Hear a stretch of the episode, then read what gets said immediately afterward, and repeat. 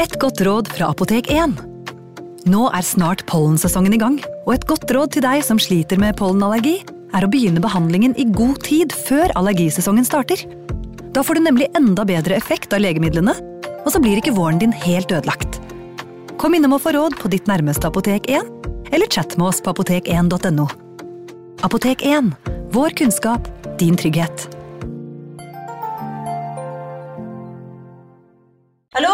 Jeg kommer fra Oslo politikammer. Ine Jansen er purk. Er du purk? The motherfucking bitch. Alt jeg vil, er å finne ut hva som skjedde med mannen min. Jon Carew. Er jeg sikta for noe? Iben Akeli. Det er du. Ole So, Lars Berrum og Big Daddy Karsten. Hvem sin side er du på, egentlig? Anette Hoff, Tone Danielsen, Kommer du fra Afrika? Jørnis Josef, Nesten kløfta. Trond Espen Seim, Det er synd å si det, men det var feil mann som døde. Purk. Premiere tirsdag på TV2 Play. Hei! Takk for at du lytter til True Crime Podden dokumentar. Skulle du ønske at du kunne høre en ny episode av denne podkasten hver eneste uke? Vel, da er det bare å laste ned podkastappen Untold med en gang. I tillegg til ukentlige episoder av podkaster som Skrekkpodden, Synderne og True Crime Podden, får du masse annet reklamefritt og eksklusivt innhold. Last ned Untold i AppStore eller Google Play, og start din 30 dagers prøveperiode i dag. you.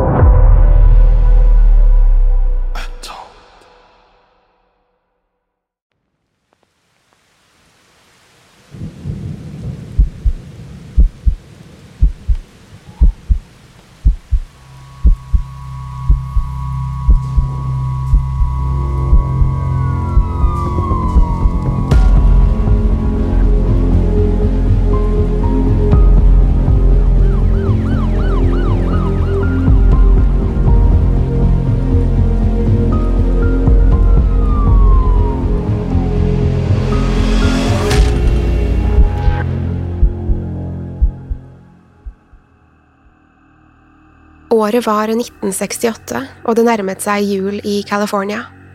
Det var en tid for omveltninger, og hele landet var preget av nye tanker og kulturelle strømninger. Sommeren 1967 hadde 100 000 mennesker samlet seg i San Francisco med en felles drøm for nestekjærlighet og personlig frihet. Dette skulle bli døpt Kjærlighetssommeren, men i realiteten var dette en konfliktfylt periode.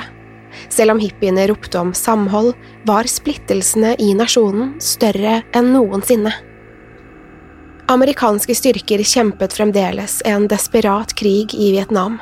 En krig som stadig flere opplevde som unødvendig og meningsløs.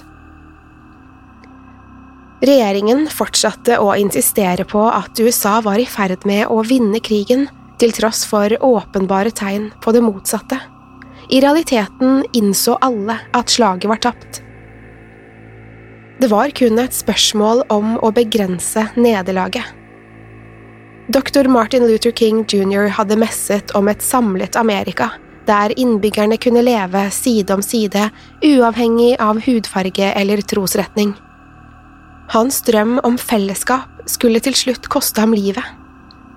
Attentatet på Dr. King var den siste dråpen for en frustrert og desillusjonert folkegruppe. Raseopptøyene som fulgte, illustrerte hatet og intoleransen som vedvarte i USA. Særlig ungdommene ble farget av disse politiske og kulturelle strømningene. Revolusjonen var for alvor i gang, og plutselig var man enten med eller mot staten. Likevel fortsatte livet som vanlig. Tenåringer fortsatte å gjøre det tenåringer gjør. De levde i sin egen boble, bestående av skole, venner og potensielle kjærester. I Vallejo, California var det en helt annen hendelse som skulle symbolisere en avskjed med fortidens uskyld. David Faraday hadde gledet seg til den store dagen i flere uker. Den 20. september 1968 var nemlig datoen for hans første offisielle stevnemøte med Betty Lou Jensen. David var 17 år og stormforelsket i Betty Lou. Han hadde vært det helt siden de hadde møttes på et kirketreff to uker tidligere.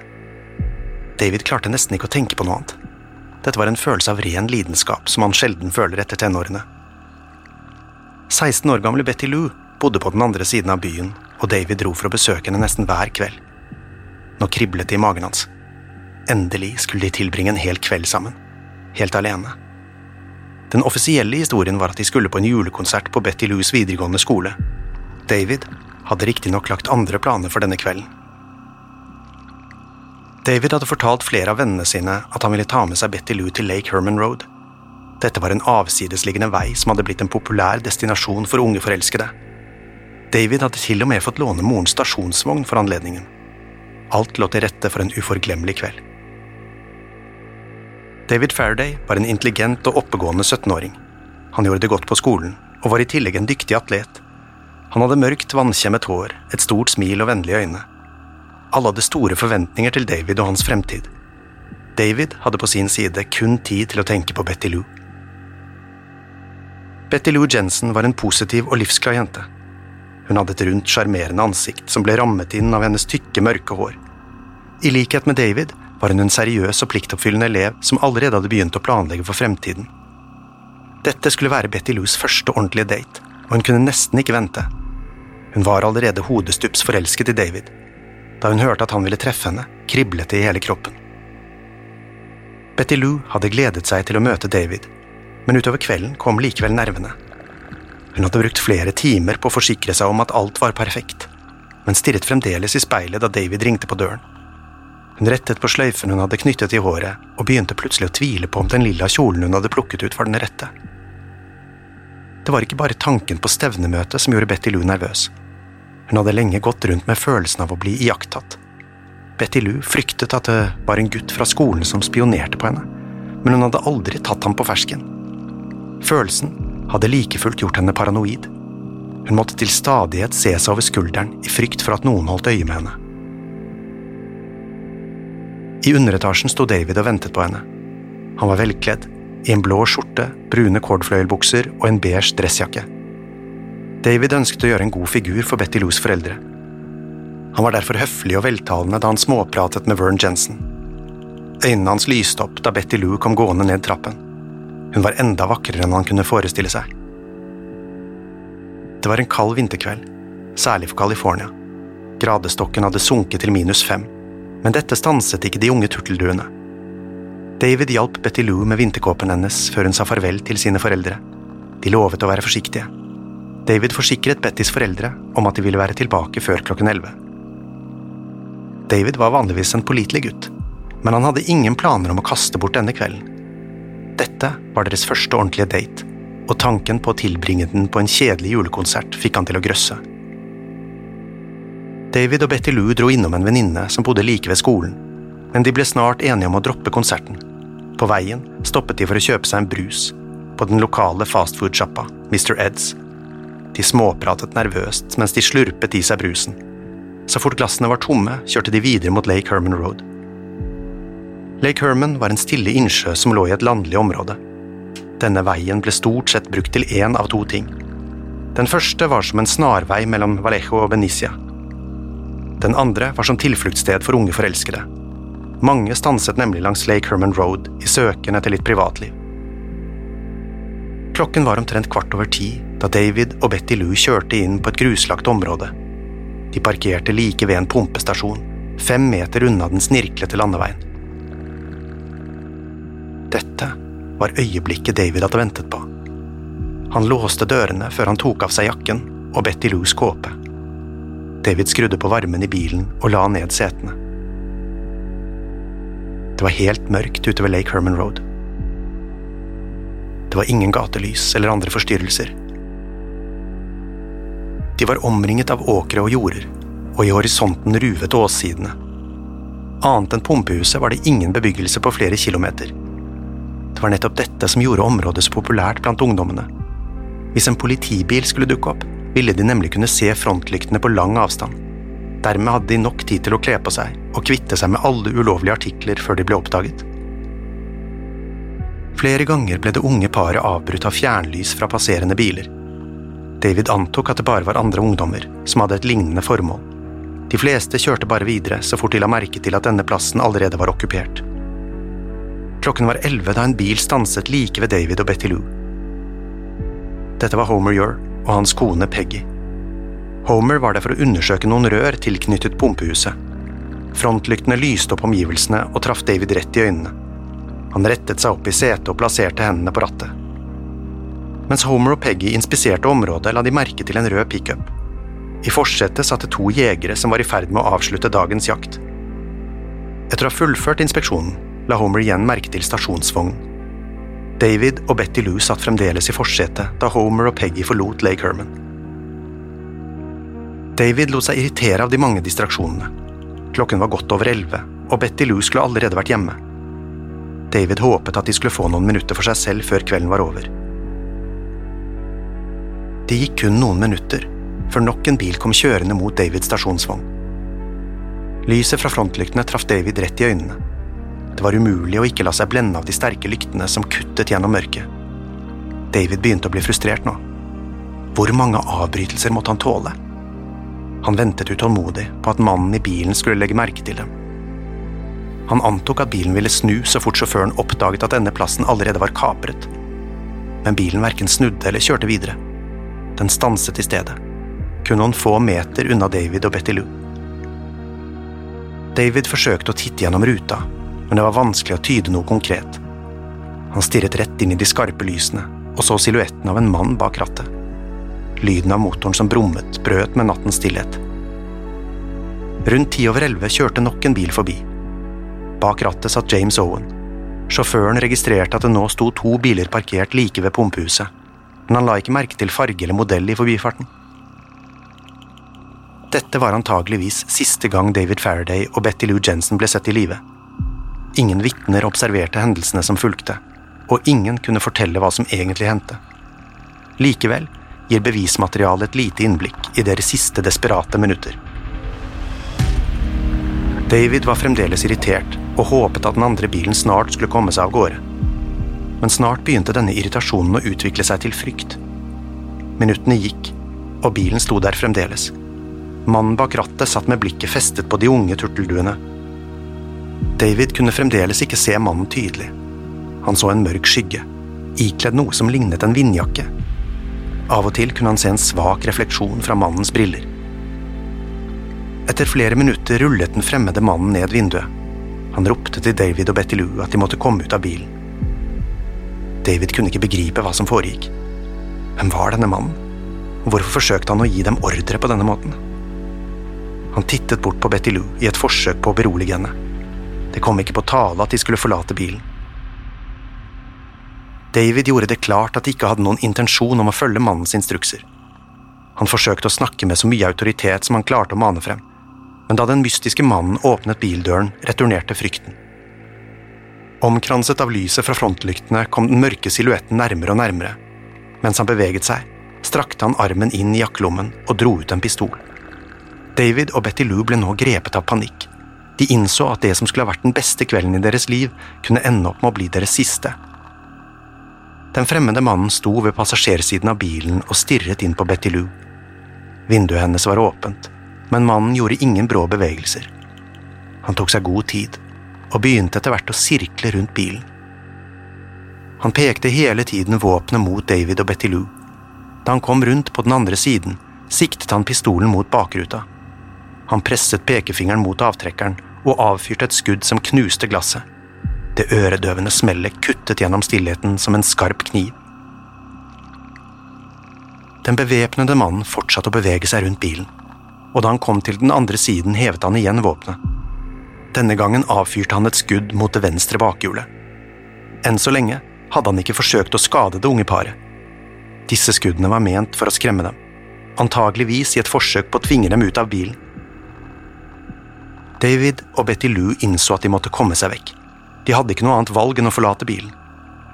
Det var ingen steder å gjemme seg, og mannen ville umiddelbart begynt å skyte dersom David startet motoren. Betty Lou rev opp døren og klarte å komme seg ut av bilen.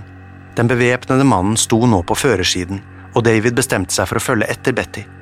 Han klatret over til passasjersetet, men den fremmede mannen fulgte etter. Idet David skulle forlate bilen, kjente han pistolmunningen mot hodet. Denne følelsen av kaldt metall mot øret varte bare i et lite sekund. Gjerningsmannen presset igjen pekefingeren mot avtrekkeren. På avstand hørtes smellet nesten ut som torden. Flere hørte den buldrende lyden, men de så ingen tegn til regn eller kommende uvær. Kanskje det bare var fyrverkeri, tenkte Stella Borges. Stella var hjemme på ranchen sin, omtrent fire kilometer unna Lake Herman Road. Klokken var ti over elleve da Stella gjorde seg klar til å sette seg i bilen. Hun var på vei til Benicia for å hente sønnen sin. Samtidig lå David Faraday livløs på bakken. Hjertet hans slo fremdeles, men kulen hadde knust hodeskallen hans og etterlatt han i en blodig pøl. Betty Lou løp for livet. Hun hørte skuddet, men visste fremdeles ikke hva som hadde hendt med David. Hun visste at det ikke var et alternativ å se seg tilbake. Hun kunne høre de tunge fottrinnene til den væpnede mannen. Han var ikke langt bak henne, men hun håpet å kunne riste han av seg i mørket. Betty Lou løp nordover, i retning veien som ledet til Vallejo. Hun visste at det ville koste henne livet dersom hun stanset. Det smalt fra pistolen, igjen og igjen og igjen. Fem kuler traff Betty Lou i ryggen. Hun hadde bare kommet seg knappe ti meter unna bilen. Betty Lou var allerede død da hun traff bakken. David hadde blitt skutt på kloss hold. Pistolen ble presset mot hodet før kulen entret skallen hans. Betty Lou hadde derimot blitt skutt på avstand. Gjerningsmannen hadde truffet henne med fem presise skudd som boret seg inn i høyre del av ryggen. Dette demonstrerte både presisjon og trygghet med våpenet. Gjerningsmannen hadde løpt etter henne med våpenet hevet.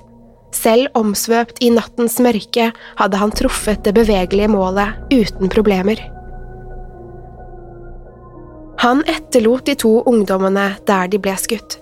David Faraday lå på ryggen rett utenfor bilen. Blodet rant fremdeles fra skuddsåret. Han ga fra seg et surklende stønn hver gang han forsøkte å puste.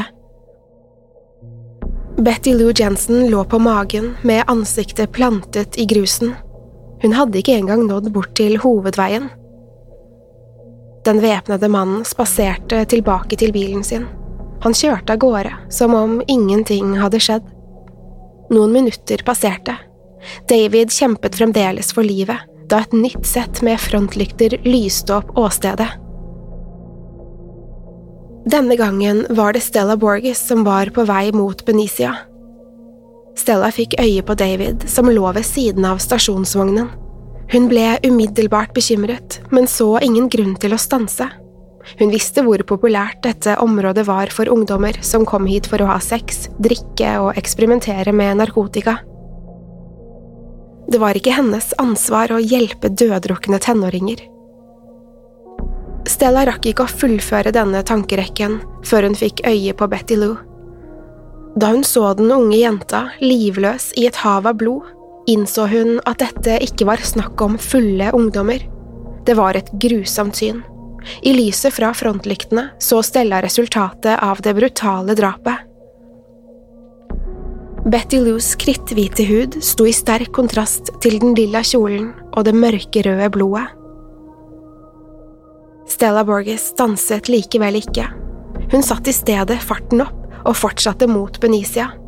Her fikk hun stanset en politibil og fortalt hva hun akkurat hadde sett ved Lake Herman Road. Klokken var nå ti på halv tolv.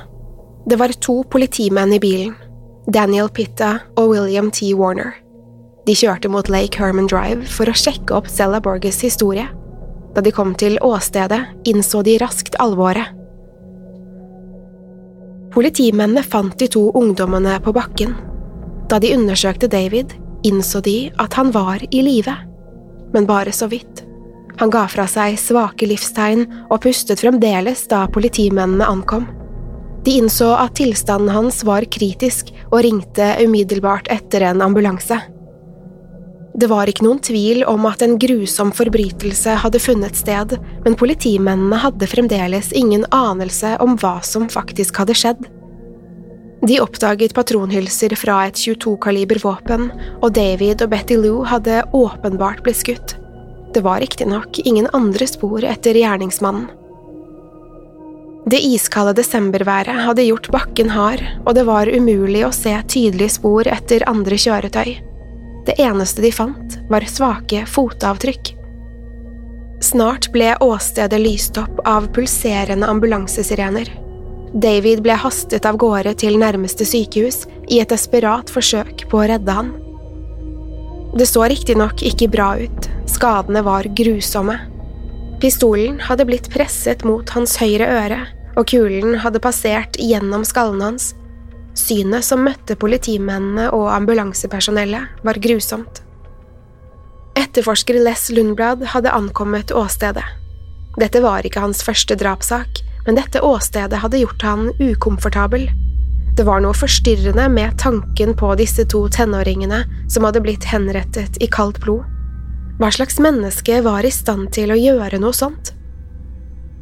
Lundblad tegnet en skisse av åstedet og noterte hver minste detalj.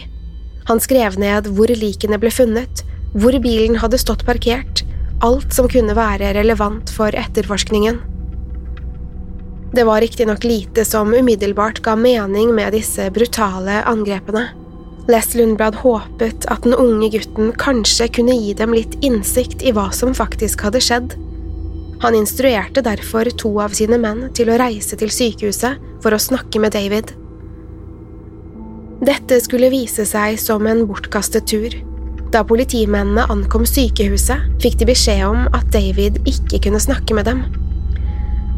David Faraday hadde allerede blitt erklært død klokken fem over tolv.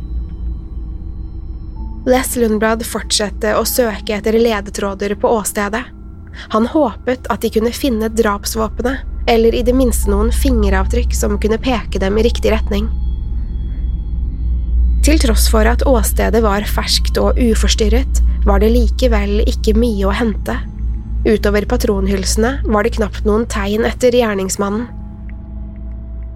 Uten noen åpenbare mistenkte var politiet nødt til å gripe etter halmstrå.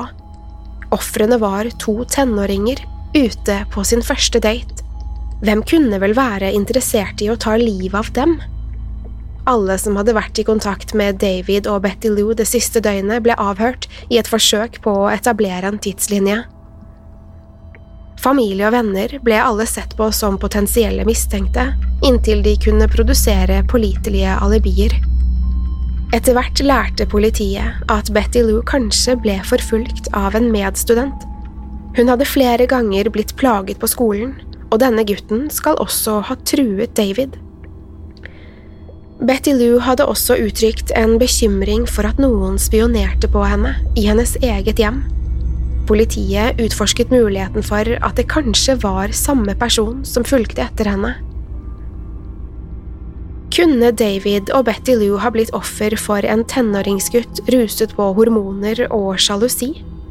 Lenge virket dette som den mest logiske forklaringen, men teorien kollapset snart. Det viste seg nemlig at den mistenkte gutten hadde et vanntett alibi. Kanskje hadde han vært i overkant betatt av Betty Lou men han kunne umulig være drapsmannen. Det var mange vitner som hadde observert David og Betty Lou i minuttene før de ble drept. Den siste som antas å ha sett dem i live, var James Owen.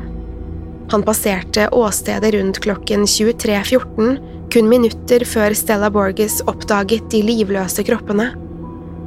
James Owen forklarte at han hadde sett Davids stasjonsvogn så vel som en annen bil parkert like ved. Det antas at Stella Borges oppdaget likene klokken 23.20, noe som gir en tidsramme på kun seks minutter. I løpet av disse seks minuttene må drapsmannen ha forlatt bilen sin, truet ungdommene og avfyrt minst ni skudd. James Owen kunne riktignok ikke bekrefte at han faktisk så David og Betty Lou i live. Han fortalte at han ikke la merke til noen verken i eller rundt bilene. Døren på bilen var lukket, som antyder at morderens angrep ikke hadde begynt. Var i så fall James Owen vitne til det korte tidsrommet før drapsmannen slo til? Det meste tyder uansett på at morderen ikke kastet bort noe tid, verken før eller etter drapene. Til tross for at han var den siste bekreftede personen på åstedet, ble aldri James Owen sett på som en mistenkt i saken. Owen hadde ikke noe alibi for de avgjørende minuttene, og hadde heller ikke noe medvitne som kunne bekrefte historien hans. Han ga også politiet flere motstridende detaljer i sine vitneuttalelser. Alt fra avstanden mellom de to bilene til hvorvidt han hørte skudd etter å ha passert åstedet. James Owen virket å raskt legge det hele bak seg, det som for mange ville vært en uforglemmelig opplevelse. Owen uttalte at kvelden ikke hadde gjort videre inntrykk på han, og han slet senere med å huske når denne hendelsen fant sted. Han viste også lite interesse for saken i ettertid, selv da den eksploderte i mediene. Likevel var det ingen håndfaste bevis som knyttet James Owen til drapene. Det mest påfallende med hans historie forblir det korte tidsrommet mellom James og Stellas observasjoner. Dette blir likevel tynt grunnlag for å anklage James Owen for drap. Det er lite som tyder på at James Owen var involvert i selve drapet. Likevel ville hans upresise vitnebeskrivelser bidra til å komplisere etterforskningen. Uansett hvilken retning politiet utforsket, virket de ikke å komme noe nærmere et troverdig motiv. Den eneste muligheten som gjensto, var at David Faraday og Betty Lou Jensen hadde blitt drept for moro skyld. Tanken fikk politiet til å grøsse. Kunne virkelig noen ha plukket ut det unge paret helt tilfeldig for å så henrette dem på denne måten? Det hele virket ubegripelig. Dette var ikke et ran, det var ikke seksuelt motivert, og morderen virket heller ikke å kjenne ofrene. Denne ideen sendte en intens frykt gjennom samfunnet. Hvis David og Betty Lou hadde blitt drept helt tilfeldig, kunne ingen føle seg trygge. Månedene gikk uten at politiet pekte ut en mistenkt i saken. Det ble etter hvert sommer, og gjerningsmannen var fremdeles på frifot. Ideen om en seriemorder var fremdeles et fremmed konsept, og ikke noe som entret tankene til en gjennomsnittlig politimann. I hodet til en etterforsker var det vanligvis en slags logikk bak et drap.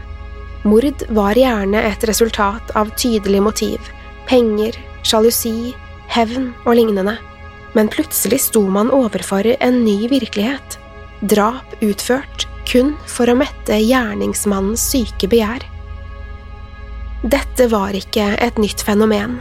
Det vi i dag kjenner som seriemordere, hadde allerede eksistert i en årrekke, men begrepet var sakte, men sikkert i ferd med å etablere seg. Drapene på David Faraday og Betty Lou Jensen var bare begynnelsen. Verden var i ferd med å bli introdusert for en morder, ulikt noe man tidligere hadde sett.